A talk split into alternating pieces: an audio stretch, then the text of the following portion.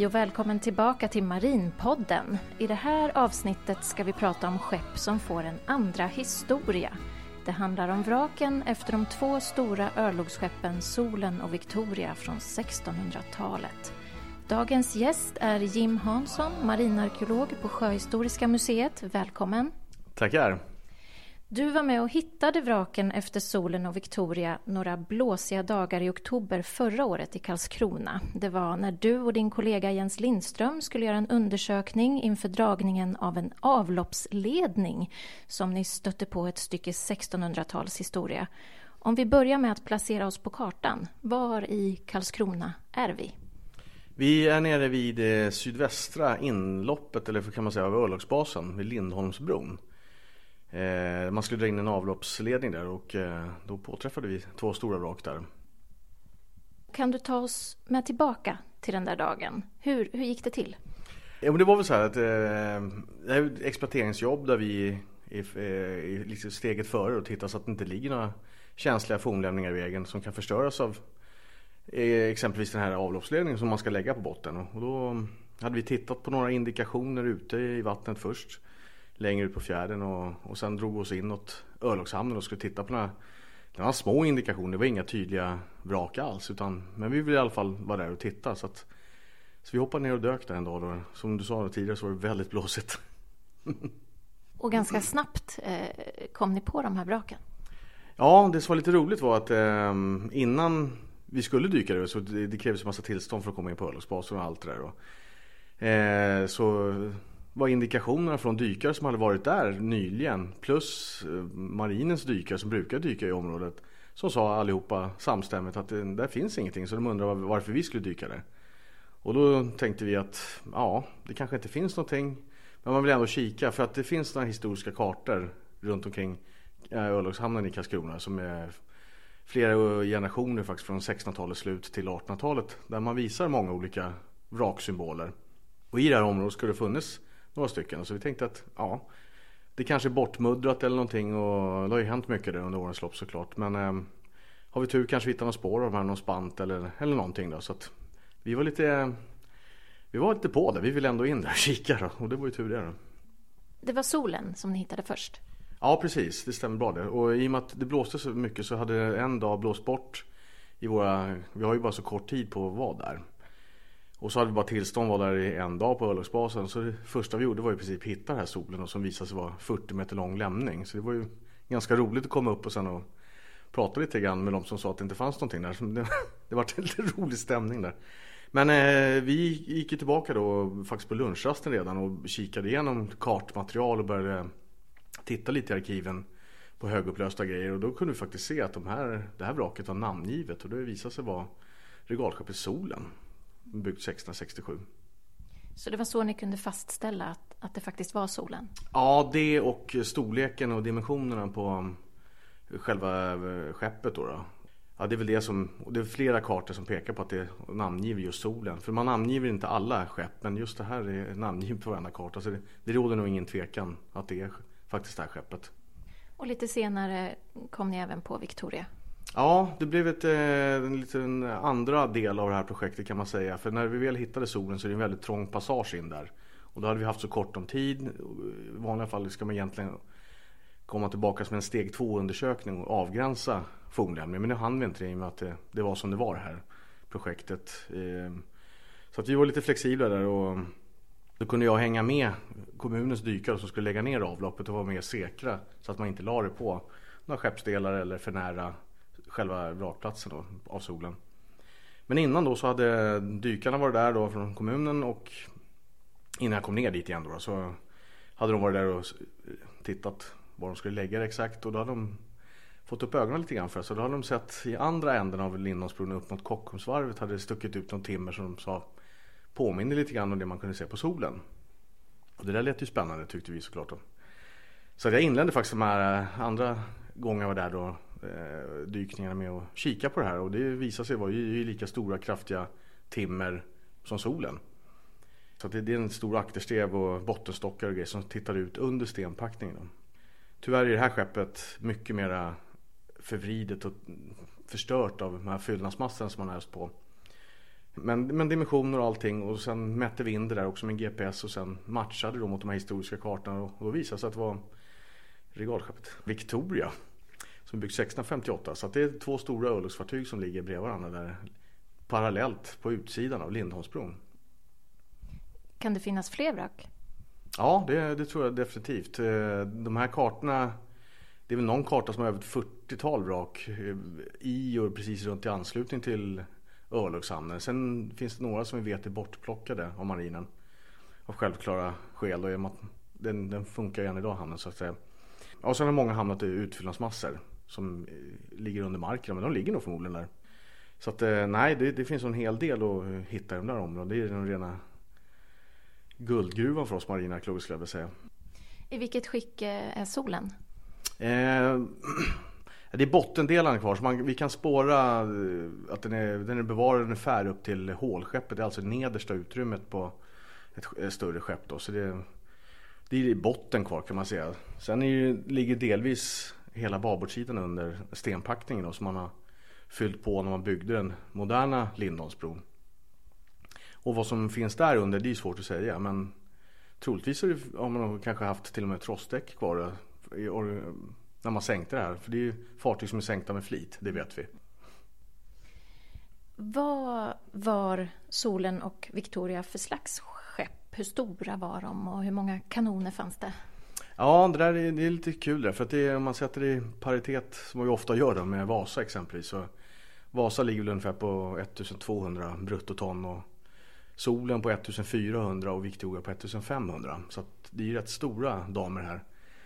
Solen tror jag hade, det är lite olika, bestyckningslistorna skiljer sig lite grann men runt 72 kanoner hade Solen och runt 80 hade Victoria. Så det, det är riktiga bjässar det här. De var ju riktigt stora för sin tid också. Mm.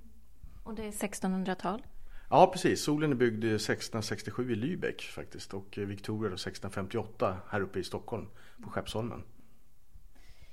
Och ni har ju fortsatt med lite detektivarbete kring de här skeppen som seglat sida vid sida. Vad, vad vet vi om de här idag? Ja, vi har ju eh, insett att de här två har ju kamperat ihop i princip i hela sin seglande period då, i flottan. Och det är lite roligt att de, de ligger bredvid varandra nu också. De har varit med i flera olika stora sjöslag. Eh, Bland annat det här klassiska 1676 vid Öland där kronan och svärdet förliser. Där är kronan, eller solen och Victoria de med. Solen ska enligt uppgift ligga strax bakom kronan när hon exploderar. Och det där slaget gav ju ganska stor uppmärksamhet i och med att det är en av de största en av de största ska jag säga förlusterna i flottans historia. Och det var ju rättegångar direkt efter det här, vilka, för det var många som flydde. Det var ju stor stort kaos där folk eh, flög i luften och skeppen sjönk och man tappade linjerna i skadorna, krockade med varandra. Så det var ju rätt spelet efter det är lite roligt då för att då solen anses ha fäktats manligen. Att hon, hon, var väl, hon svarade lite och var rätt tuff där uppenbarligen. Medan Victoria hamnade i den här lilla skadan som flydde upp i de svenska skären och var kallat för fega uslingar av eh, bland annat eh, Tillsammans med Riksäpplet bland annat? Ja, det stämmer bra det, precis. Så att de ska enligt uppgift ha försvunnit upp då ur striden och dragits ur. Det är svårt att säga, som alla är ju människor, vem kanske inte skulle ha gjort det när det börjar vina människor och skeppsdelar runt öronen på dem. Så att, men eh, hur som helst, så att det där har vi eh, en ganska spännande historia där båda skeppen är med. Sen får man ju lite spännande också med Victoria som är lite äldre då. Hon var ju med redan samma år som hon sjösattes i slaget i Öresund.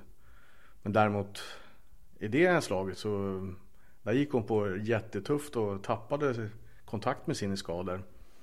Och var dessutom amiralsskeppet för Carl Gustav Wrangel så att de hamnade mitt i fienden.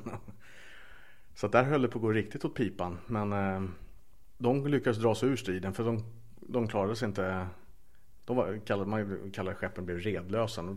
Sönderskjutna riggar och kunde inte styra. Och, så de, de var nära på att kunna bli sänkta där. Så att där var de tuffa. Men så att det, jag tror att det, att det var nog inga fegisar egentligen. Utan det var nog stunden som gav resultatet av eh, en, en utgången av en strid helt enkelt. Och på solen hade det också förekommit myteri såg jag. Ja, det där är jätteroliga uppgifter. Eh, det är ett av de få exempel man vet på ett riktigt stort, eller myteri ombord på ett stort örlogsfartyg sådär. Och det ska ha skett 1679. Var exakt det vet vi inte men Finnarna rebellerade ombord, hette det. Så att de var, blev förbannade av någon anledning. Och gjorde myteri då. Och då seglade Victoria upp som sekundant som man kallar det för. Och backade upp solen. Eh, vilket ledde till att officerare och resten av manskapet och ställde sig i gevär. Vilket gjorde att finnarnas mod tröt. så de hamnade i arresten. Stor, så att, eh, ja, det är otroligt roliga ögonblicksskildringar. Alltså, vilket gör de här skeppen mer personliga och ehm, det ger en helt annan dignitet till ett vrak när man kan få de här historierna. För det är ju det som arkeologens uppgift egentligen är att försöka berätta en historia om lämningarna. Och när man får identitet och en så spännande historia som jag fått av de här två så är det ju, ja, det är ju rena drömmen och otroligt kul faktiskt. Och nu ligger de bredvid varandra på botten i Karlskrona. Hur eh, hamnade de där? Du sa att de sänktes medvetet. Mm. Varför varför gör man så med de här gamla skeppen? Ja, det är en ganska vanlig företeelse. Det har vi ju även påträffat i Stockholm och det finns ju många andra delar av både Sverige och i Norden där man, det, man använder skepp Eh, som fundament. Istället för att bygga nya stenkistor av nytt virke så använder man äldre som ändå inte går att segla med. Så man kan sänka då och använda som brofundament eller utfyllnader i kajer eller vad det nu kan försvarsanläggningar. Man gör försänkningar både i Karlskrona och Vaxholm även Sveaborg senare i Finland då som var svenskt. Så det, det, det, är en ganska vanlig företeelse.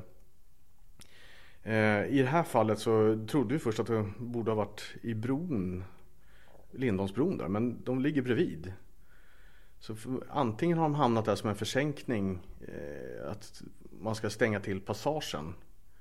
Men det finns en liten lucka på 20 meter mellan eh, akterstrevarna på Solen och Victoria. Som, det är som en segelbar eh, liten öppning. Så det, det, är inte helt omöjligt att de bara hamnat där som en försänkning och försvarsanläggning till att börja med.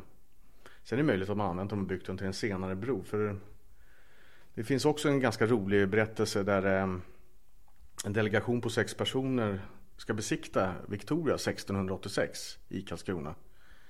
Eh, då vill man prata med Robert Turner som var skeppsbyggerimästaren då på, men han var sjuk och låg, ute på, låg i sin nedbäddade sin säng ute på Lindholmen då. då. Och då när man har besiktat Victoria så ror man ut till Lindholm. Så bron finns uppenbarligen inte då. Men det är lite spännande för då, då dömer de ut skeppet. Att det, det går an, använda bara till att antingen sänka med om man förstärker lite eller använda som ett blockhus. Så lite funderingar på om inte Victoria som försvinner ur flottans register långt tidigare än solen faktiskt kanske hamnade där först som ett blockhus. Och det är alltså att man ställer ett fartyg på botten men använder de övre batteridäcken som en kanonplattform. Så det, det, där är bara en teori som vi inte vet riktigt än men det är en spännande tanke för att solen och halvmånen då som också ska ligga under Kockumsvarvet där de försvinner inte ur listan förrän vid 1694. Det är ett par år senare så att men samtidigt så vet man bara för att de försvinner ur skeppslistan behöver inte betyda att de försvinner utan vi har ju ett ganska bra exempel med Amfion som vi har på Sjöhistoriska som blir logementsfartyg långt efter den försvinner flytande då. Så att vad som händer exakt efter, det är svårt att säga. Vet vi hur det gick till när man sänkte de här bjässarna? Nej, faktiskt inte. Det det är svårt att, det finns inga bra, det finns förmodligen i arkiven någonstans hur man gick tillväga men, och hur högt upp man bevarade skeppet. För man tog ju säkerligen tillvara på många skeppsdelar som var funktionsdugliga och kunde återanvändas och sådär. Som rigg och master och kanske en däcksbalkar, vad vet jag, som funkar. Men eh, man måste väl ha haft ett visst, en viss styrka eh, i skrovet såklart för att kunna använda den, för annars skulle de ju bara falla ut platt. Eh, så det, det, där är någonting som vi skulle vilja forska vidare i för att de här skeppen är inte obetydliga bara för att de är sänkta med flit och har blivit bortglömda. Utan de här borde lyftas för det, det, de har en spännande historia och har en som en andra historia också som de här som sjunker inte har. Så det är en form av väldigt tidig recycling också som är jäkligt spännande att kika på. Varför skulle du säga att de här eh, skeppen är viktiga för oss idag? Jag tycker att dels har de ju samma historia som de här som har lyfts fram som någon slags hjältar. De har ju ofta, vissa har blivit sänkta kanske som svärdet och de har ju fått en enorm hjältestatus. Men jag menar Kronan och Vasa och Mars de här, de har ju faktiskt exploderat. Kanske att man har klantats ombord eller vänt för hastigt. Och, så det, det är ju egentligen inga hjältar eller vinnare på något sätt utan de har ju faktiskt förlorat i en strid. Till skillnad mot de här skeppen som klarar sig ur de här bataljerna. Men sen eh, ja, fick sin sista vila i någon tråkig kaj eller något brofundament. Och visst, det är inte lika dramatiskt. Men de, har ju, de har ju samma historia att berätta. Mm. Och sen där just det här fenomenet att man återanvänder och att det blir som en slags andra historia. Det tycker jag är lite häftigt. Men sen tycker jag man kanske ska vända på perspektivet där också just i fallet Karlskrona. Alltså det är ju ett världsarv. Och de här skeppen då som är inte bara Solna och Victoria utan de här förmodade skeppen som ligger runt omkring där har ju anledningen till att man bygger de skeppen. Det är för att vi behöver, liksom, behöver försvar eller någonting. Hade vi inte haft det då hade man ju aldrig haft anledning att bygga Karlskrona heller. Och det roliga är att eh, världsarvet i sig det är ju byggnader och st staden, örlogsbasen men det som liksom ligger till grunden för att allting finns där det ligger på botten och det har vi skitdålig koll på. Så där tycker jag man skulle vilja försöka se vad som finns, kunna berätta om de där och sen in, få in dem där i världsarvet på ett bättre sätt. Det tycker jag. Och därför är de jätteviktiga. Mm. Och ni har sagt i tidigare intervjuer att det, det är första pusselbitarna till världsarvet. Ja, det är ju faktiskt det. Man tänker på solen Victoria som hamnar i början på 1680-1690-talet. Det är ju verkligen inledningsskedet. Mm. Eh, så att eh, det är ju de första stötestenarna i själva örlogsbasen. Framförallt försvaret då som, som hamnar där. Mm. Så att eh, det råder ju ingen tvekan om egentligen att de har en väldigt viktig del av det här världsarvet. Som borde belysas med då. Kommer ni arbeta vidare med solen och Victoria på något sätt? Eh, ja, planen är att skriva i alla fall någon vetenskaplig artikel om det här. Eh, det har redan inlett tankemässigt och eventuellt samarbeta med Länsstyrelsen med det där i Karlskrona.